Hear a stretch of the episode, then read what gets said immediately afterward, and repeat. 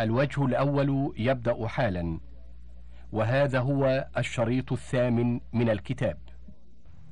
فصل. والأذنان من الرأس فقياس المذهب وجوب مسحهما مع مسحه. وقال الخلال كلهم حكوا عن أبي عبد الله في من ترك مسحهما عامدا أو ناسيا أنه يجزئه. وذلك لأنهما تبع للرأس لا يفهم من إطلاق اسم الرأس دخولهما فيه. ولا يشبهان بقية أجزاء الرأس. ولذا لم يجزه مسحهما عند مسحه عند من اجتزأ بمسح بعضه. والأولى مسحهما معه لأن النبي صلى الله عليه وسلم مسحهما مع رأسه. فروت الربيع أنها رأت النبي صلى الله عليه وسلم مسح رأسه. ما أقبل منه وما أدبر وصدغيه وأذنيه مرة واحدة. وروى ابن عباس أن النبي صلى الله عليه وسلم مسح رأسه وأذنيه ظاهرهما وباطنهما. وقال الترمذي حديث ابن عباس وحديث الربيع صحيحان. وروى المقدام بن معدي كرب أن النبي صلى الله عليه وسلم مسح برأسه وأذنيه وأدخل إصبعيه في صماخي أذنيه. رواه أبو داود. فيستحب أن يدخل سبابتيه في صماخي أذنيه. ويمسح ظاهر أذنيه بإبهاميه ولا يجب مسح ما استتر بالغضاريف لأن الرأس الذي هو الأصل لا يجب مسح ما استتر منه بالشعر والأذن أولى. مسألة قال وغسل الرجلين إلى الكعبين وهما العظمان الناتئان. غسل الرجلين واجب في قول أكثر أهل العلم. وقال عبد الرحمن ابن أبي ليلى أجمع أصحاب رسول الله صلى الله عليه وسلم على غسل القدمين وروي عن علي أنه مسح على نعليه وقدميه ثم دخل المسجد فخلع نعليه. ثم صلى وحكي عن ابن عباس أنه قال ما أجد في كتاب الله إلا غسلتين ومسحتين وروي عن أنس بن مالك أنه ذكر له قول الحجاج اغسلوا القدمين ظاهرهما وباطنهما وخللوا ما بين الأصابع فإنه ليس شيء من ابن آدم أقرب إلى الخبث من قدميه. فقال أنس صدق الله وكذب الحجاج وتلا هذه الآية. فاغسلوا وجوهكم وأيديكم إلى المرافق وامسحوا برؤوسكم وأرجلكم إلى الكعبين. وحكي عن الشعبي أنه قال الوضوء مغسولان وممسوحان فالممسوحان يسقطان في التيمم.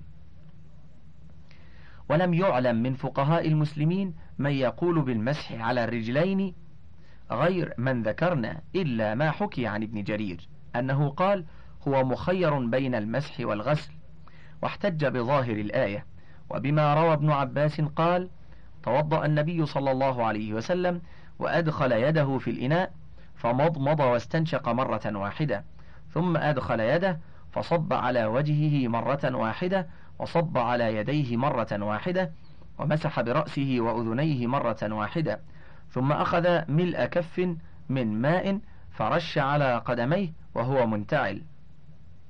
رواه سعيد. وقال أيضا حدثنا هشيم أخبرنا يعلى بن عطاء عن أبيه قال أخبرني أوس بن أبي أوس الثقفي أنه رأى النبي صلى الله عليه وسلم أتى كظامة قوم بالطائف فتوضأ ومسح على قدميه. قال هشيم كان هذا في أول الإسلام. ولنا أن عبد الله بن زيد وعثمان حكيا وضوء رسول الله صلى الله عليه وسلم. قال فغسل قدميه. وفي حديث عثمان ثم غسل كلتا رجليه ثلاثا متفق عليه. وفي لفظ ثم غسل رجله اليمنى إلى الكعبين ثلاثا ثلاثا ثم غسل اليسرى مثل ذلك. وعن علي أنه حكى وضوء رسول الله صلى الله عليه وسلم فقال ثم غسل رجليه إلى الكعبين ثلاثا ثلاثا وكذلك قالت الربيع بنت معوذ والبراء بن عاذب وعبد وابن عازب وعبد الله بن عمر رواهن سعيد وغيره. وعن عمر رضي الله عنه أن رجلا توضأ فترك موضع ظفر من قدمه فأبصره النبي صلى الله عليه وسلم فقال ارجع فأحسن وضوءك. فرجع فتوضأ ثم صلى. رواه مسلم. وفي لفظ أن النبي صلى الله عليه وسلم رأى رجلا يصلي وفي ظهر قدمه لمعة قدر الدرهم لم يصبها الماء. فأمره النبي صلى الله عليه وسلم أن يعيد الوضوء والصلاة. رواه أبو داود والأثرم. قال الأثرم ذكر أبو عبد الله إسناد هذا الحديث. قلت له إسناد جيد. قال نعم. وعن عبد الله بن عمرو أن النبي صلى الله عليه وسلم رأى قوما يتوضؤون وأعقابهم تلوح. فقال ويل للأعقاب من النار. وعن عائشة وأبي هريرة أن النبي صلى الله عليه وسلم ويل للأعقاب من النار رواهن مسلم. هامش بل رواه الجماعة كلهم. ولكن انفرد مسلم دون البخاري بقول الرابي بقول الراوي وأعقابهم تلوح لم يمسها الماء. انتهى الهامش. وقد ذكرنا أمر النبي صلى الله عليه وسلم بتخليل الأصابع. وأنه كان يعرك أصابعه بخنصره بعض العرك وهذا كله يدل على وجوب الغسل على وجوب الغسل فإن الممسوح لا يحتاج إلى الاستيعاب والعرك وأما الآية فقد روى إكرمة عن ابن عباس أنه كان يقرأ وأرجلكم قد عاد إلى الغسل وروي عن علي وابن مسعود والشعبي أنهم كانوا يقرؤونها كذلك. وروى ذلك كله سعيد. وهي قراءة جماعة من القراء منهم ابن عامر فتكون معطوفة على اليدين في الغسل ومن قرأها بالجر فللمجاورة. كما قال وأنشدوا كأن ثبيرا في عرانين وبله كبير أناس في بجاد مزمل. وأنشد فظل طهاة اللحم من بين منضج صفيف شواء أو قدير معجل. جر قديرا مع العطف للمجاورة. وفي كتاب الله تعالى إني أخاف عليكم عذاب يوم أليم. جر أليما وهو صفة العذاب المنصوب. لمجاورته المجرورة. وتقول العرب جحر ضب خرب. وإذا كان الأمر فيها محتملا وجوب الرجوع إلى بيان النبي صلى الله عليه وسلم. وإذا كان الأمر فيها محتملا وجب الرجوع إلى بيان النبي صلى الله عليه وسلم. ويدل على صحة هذا قول النبي صلى الله عليه وسلم في حديث عمرو بن عنبسة ثم غسل رجليه كما أمره الله عز وجل. فثبت بهذا أن النبي صلى الله عليه وسلم إنما أمر بالغسل لا بالمسح ويحتمل أنه أراد بالمسح الغسل الخفيف. قال أبو علي الفارسي العرب تسمي خفيف الغسل مسحا فيقولون تمسحت للصلاة أي توضأت. وقال أبو زيد الأنصاري نحو ذلك. وتحديده بالكعبين دليل على أنه أراد الغسل فإن المسح ليس بمحدود. فإن قيل فعطفه على الرأس دليل على أنه أراد حقيقة المسح.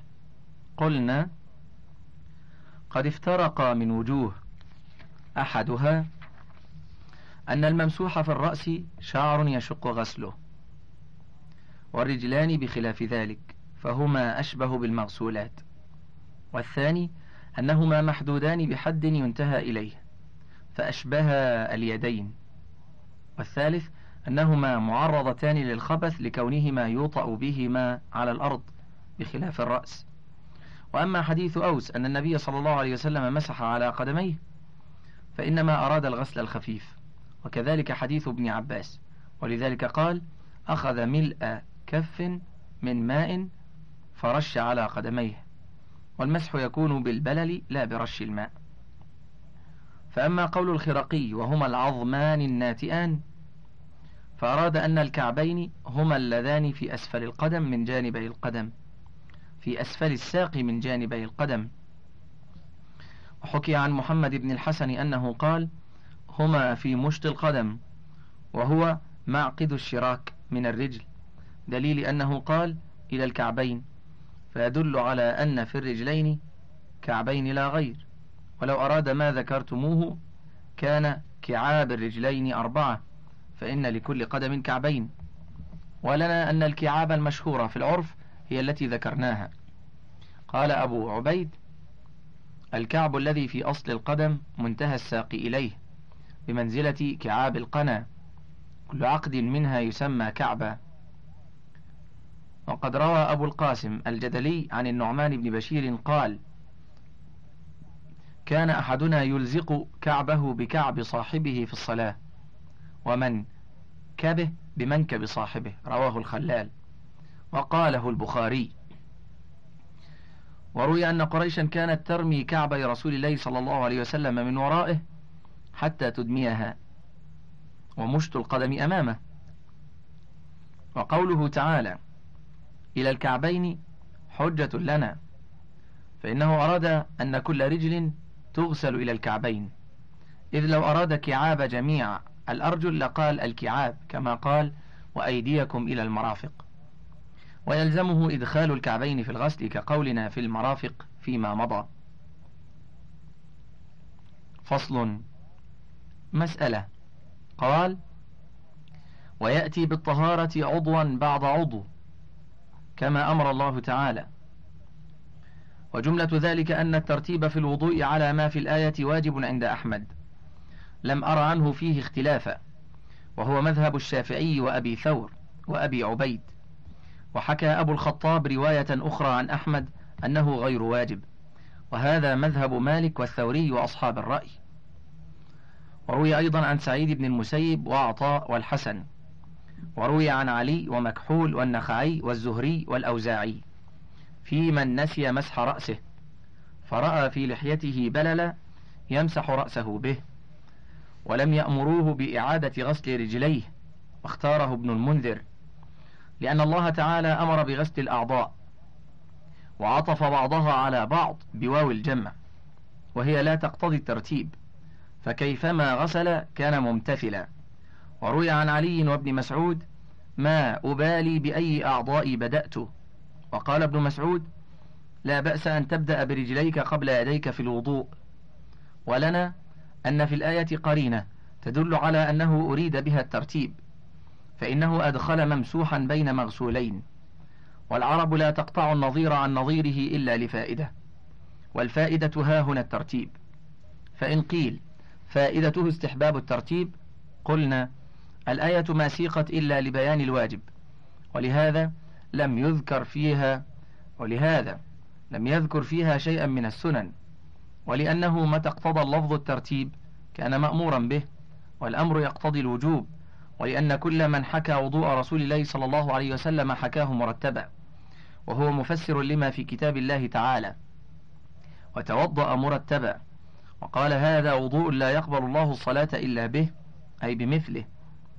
وما روي عن علي وابن مسعود قال أحمد إنما عنيا به اليسرى قبل اليمنى لأن مخرجهما من الكتاب واحد. ثم قال أحمد حدثنا جرير عن قابوس عن أبيه أن عليا سئل فقيل له أحدنا يستعجل فيغسل شيئا قبل شيء؟ قال لا حتى يكون كما أمر الله تعالى. والرواية الأخرى عن ابن مسعود ولا يعرف لها أصل. فصل ولا يجب الترتيب بين اليمنى واليسرى ولا نعلم فيه خلافا لأن مخرجهما في الكتاب واحد. قال الله تعالى وأيديكم. وقال تعالى وأرجلكم. والفقهاء يعدون اليدين عضوا والرجلين عضوا ولا يجب الترتيب في العضو الواحد. وقد دل على ذلك قول علي وابن مسعود. فصل. وإذا نكس وضوءه فبدأ بشيء من أعضائه قبل وجهه لم يحتسب بما غسله قبل وجهه. فإذا غسل وجهه مع بقاء نيته أو بعدها بزمن يسير احتسب له به ثم يرتب الأعضاء الثلاثة. وإن غسل وجهه ثم مسح رأسه ثم غسل يديه ورجليه أعاد مسح رأسه وغسل رجليه. وإن غسل وجهه ويديه ثم غسل رجليه ثم مسح رأسه صح وضوءه إلا غسل رجليه. وإن نكس وضوءه جميعه لم يصح إلا غسل وجهه. وإن توضأ منكسا أربع مرات صح وضوءه. يحصل له من كل مرة غسل عضو إذا كان متقاربا. ومذهب الشافعي مثل ما ذكرنا. ولو غسل أعضاءه دفعة واحدة لم يصح له إلا غسل وجهه لأنه لم يرتب. وإن انغمس في ماء جار فلم يمر على أعضائه إلا جرية واحدة فكذلك. وإن مر عليه أربع جريات وقلنا الغسل يجزئ عن المسح أجزأه كما لو توضأ أربع مرات.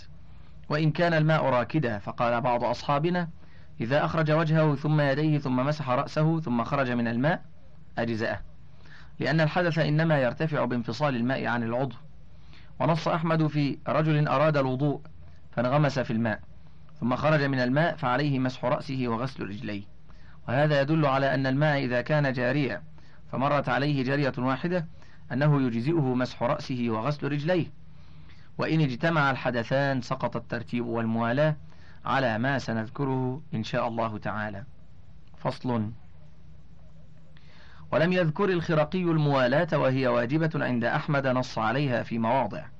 وهذا قول الأوزاعي وأحد قولي الشافعي. قال القاضي ونقل حنبل عن أحمد أنها غير واجبة وهذا قول أبي حنيفة لظاهر الآية. ولأن المأمور به غسل الأعضاء فكيف ما غسل؟ جاز. ولأنها إحدى الطهارتين فلم تجب, الموال فلم تجب الموالاة فيها كالغسل. وقال مالك إن تعمد التفريق بطل وإلا فلا. ولنا ما ذكرنا من رواية عمر أن النبي صلى الله عليه وسلم رأى رجلا يصلي وفي ظهر قدمه لمعة قدر الدرهم لم يصبها الماء. فأمره النبي صلى الله عليه وسلم أن يعيد الوضوء والصلاة. ولو لم تجب الموالاة لأجزاءه غسل اللمعة ولأنها عبادة يفسدها الحدث فاشترطت الموالاة كالصلاة. والآية دلت على وجوب الغسل والنبي صلى الله عليه وسلم بين كيفيته وفسر مجمله بفعله وأمره فإنه لم يتوضأ إلا متواليا وأمر تارك الموالاة بإعادة الوضوء وغسل الجنابة بمنزلة غسل عضو واحد بخلاف الوضوء. فصل. والموالاة الواجبة ألا يترك غسل عضو حتى يمضي زمن يجف فيه العضو الذي قبله في الزمان المعتدل. لأنه قد يسرع جفاف العضو في بعض الزمان دون بعض. ولأنه يعتبر ذلك فيما بين طرفي الطهارة. وقال ابن عقيل في رواية أخرى إن حد التفريق المبطل ما يفحش في العادة لأنه لم يحد في الشرع.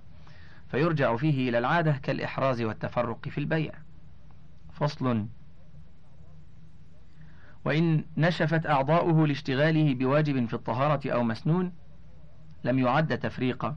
كما لو طول أركان الصلاة قال أحمد إذا كان في علاج الوضوء فلا بأس وإن كان لوسوسة تلحقه فكذلك لأنه في علاج الوضوء. وإن كان ذلك لعبث أو شيء زائد على المسنون وأشباهه عد تفريقا. ويحتمل أن تكون الوسوسة كذلك لأنه مشتغل بما ليس بمفروض ولا مسنون. مسألة. قال والوضوء مرة مرة يجزئ والثلاث أفضل. هذا قول أكثر أهل العلم إلا أن مالكا لم يوقت مرة ولا ثلاثة. قال إنما قال الله تعالى فاغسلوا وجوهكم وقال الأوزاعي وسعيد بن عبد العزيز الوضوء ثلاثا ثلاثة إلا غسل الرجلين فإنه ينقيهما. وقد روي عن ابن عباس قال توضأ النبي صلى الله عليه وسلم مرة مرة رواه البخاري. وروى أبو هريرة أن النبي صلى الله عليه وسلم توضأ مرتين مرتين رواه الترمذي. وقال هذا حديث حسن غريب. وعن علي أن النبي صلى الله عليه وسلم توضأ ثلاثا ثلاثا قال الترمذي حديث علي أحسن شيء في هذا الباب وأصح. وقال سعيد حدثنا سلام الطويل عن زيد العمي عن معاوية بن قرة عن ابن عمر أن رسول الله صلى الله عليه وسلم دعا بماء فتوضأ مرة مرة ثم قال هذا وظيفة الوضوء. وضوء وضوء من لا يقبل الله له صلاة إلا به. ثم تحدث ساعة ثم دعا بماء فتوضأ مرتين مرتين. فقال هذا وضوء من توضأ ضاعف الله له الأجر مرتين. ثم تحدث ساعة ثم دعا بماء فتوضأ ثلاثا ثلاثا فقال هذا وضوئي ووضوء النبيين من قبلي. وروى ابن ماجة بإسناده عن أبي بن كعب عن النبي صلى الله عليه وسلم نحو هذا. وروى مسلم في صحيحه أن عثمان دعا بوضوء أن عثمان دعا بوضوء فتوضأ وغسل كفيه ثلاث مرات. ثم تمضمض واستنثر ثم غسل وجهه ثم غسل وجهه ثلاث مرات ثم غسل يده اليمنى إلى المرفق ثلاث مرات ثم غسل يده اليسرى مثل ذلك ثم مسح برأسه ثم غسل رجله اليمنى إلى الكعبين ثلاث مرات ثم غسل اليسرى مثل ذلك ثم قال رأيت رسول الله صلى الله عليه وسلم توضأ نحو وضوئي هذا. ثم قال رسول الله صلى الله عليه وسلم من توضأ نحو وضوئي هذا؟ ثم قام فركع ركعتين لا يحدث فيهما نفسه غفر له ما تقدم من ذنبه. قال ابن شهاب وكان علماؤنا يقولون هذا الوضوء أسبغ ما يتوضأ به أحد للصلاة. فصل. وإن غسل بعض أعضائه بعض أعضائه مرة وبعضها أكثر جاز لأنه إذا جاز ذلك في الكل جاز في البعض.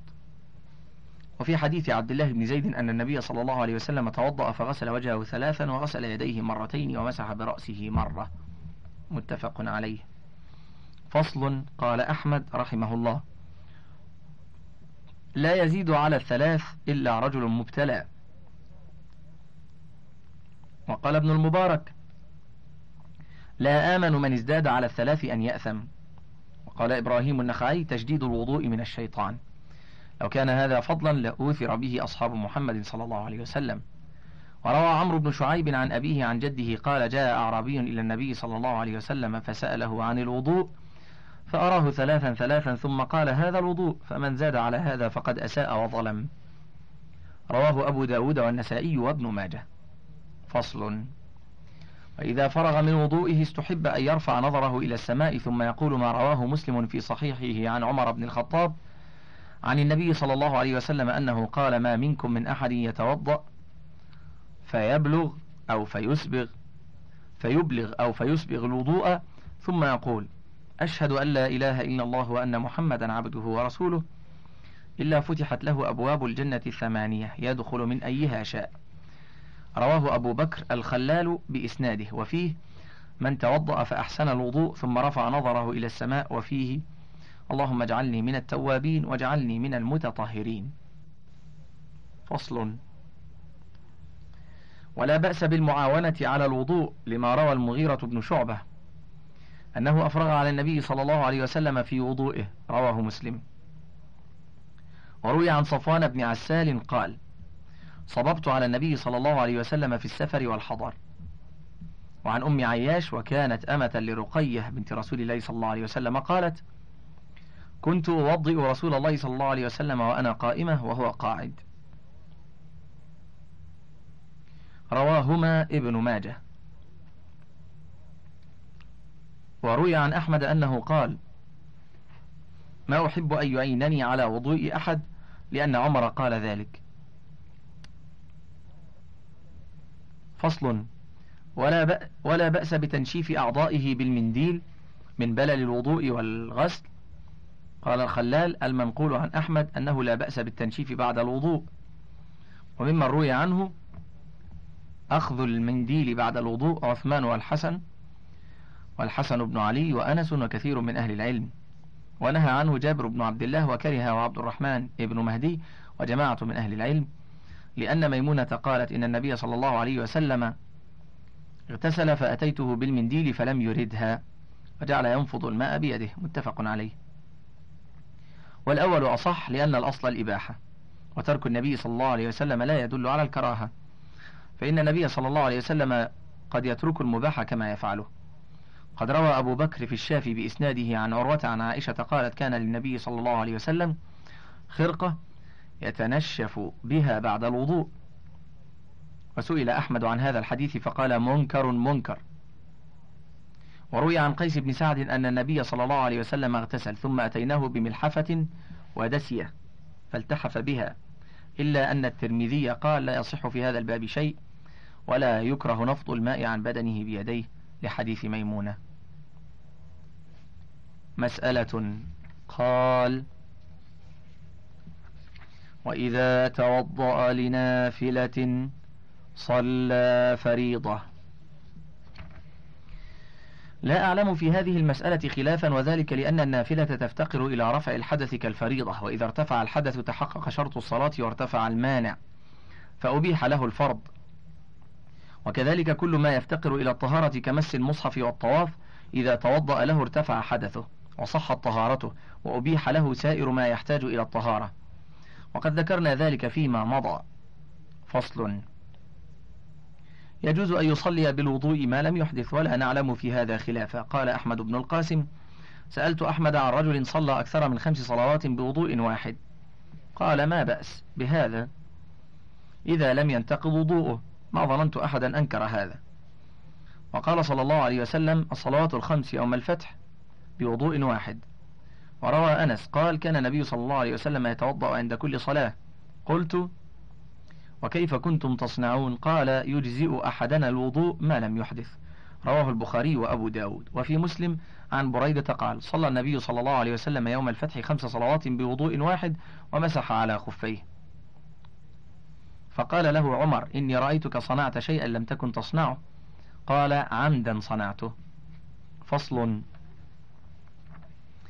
وتجديد الوضوء مستحب نص أحمد عليه في رواية موسى بن عيسى. ونقل حنبل عنه أنه كان يفعله. وذلك لما روينا من الحديث. وعن غطيف الهذلي قال رأيت ابن عمر يوما توضأ لكل صلاة. فقلت أصلحك الله أفريضة أم سنة؟ الوضوء عند كل صلاة؟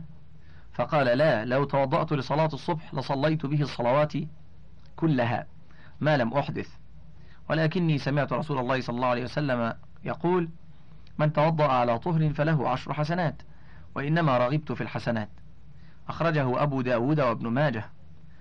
وقد نقل علي بن سعيد عن أحمد لا فضل فيه والأول أصح. فصل. ولا بأس بالوضوء في المسجد إذا لم يؤذي أحدا بوضوئه ولم يبل موضع, موضع الصلاة. قال ابن المنذر أباح ذلك كل من نحفظ عنه من علماء الأمصار منهم ابن عمر وابن عباس وعطاء وطاوس وأبو بكر ابن محمد وابن عمرو وابن حزم وابن جريج وعوام وأهل العلم. قال وبه نقول إلا أن يبل مكانا يجتاز الناس فيه فإني أكرهه. إلا أن يفحص الحصى عن البطحاء كما فعل لعطاء وطاوس فإذا توضأ رد الحصى عليه فإني لا أكرهه. وقد روي عن أحمد أنه يكرهه صيانة للمسجد عن البصاق والمخاط وما يخرج من فضلات الوضوء. مسألة قال ولا يقرأ القرآن جنب ولا حائض ولا نفساء. رويت الكراهية لذلك عن عمر وعلي والحسن والنخعي والزهري وقتادة والشافعي وأصحاب الرأي. وقال الأوزاعي لا يقرأ إلا آية الركوب والنزول. سبحان الذي سخر لنا هذا. و وقل ربي أنزلني منزلا مباركا. وقال ابن عباس يقرأ ورده. وقال سعيد بن المسيب يقرأ القرآن. أليس هو في جوفه؟ وحكي عن مالك للحائض القراءة دون الجنب لأن أيامها تطول فإن منعناها من القراءة نسيت. ولنا ما روي عن علي رضي الله عنه أن النبي صلى الله عليه وسلم لم يكن يحجبه أو قال يحجزه عن قراءة القرآن شيء ليس الجنابة. رواه أبو داود والنسائي والترمذي. وقال حديث حسن صحيح وعن ابن عمر أن النبي صلى الله عليه وسلم قال لا تقرأ الحائض ولا الجنب شيئا من القرآن رواه أبو داود والترمذي. وقال يرويه إسماعيل بن عياش عن نافع. وقد ضعف البخاري روايته عن أهل الحجاز وقال إنما روايته عن أهل الشام. وإذا ثبت هذا في الجنب ففي الحائض أولى لأن حدثها آكد. ولذلك حرم الوطأ ومنع الصيام وأسقط الصلاة وساواها في سائر أحكامها. انتهى الوجه الأول. فضلا اقلب الشريط.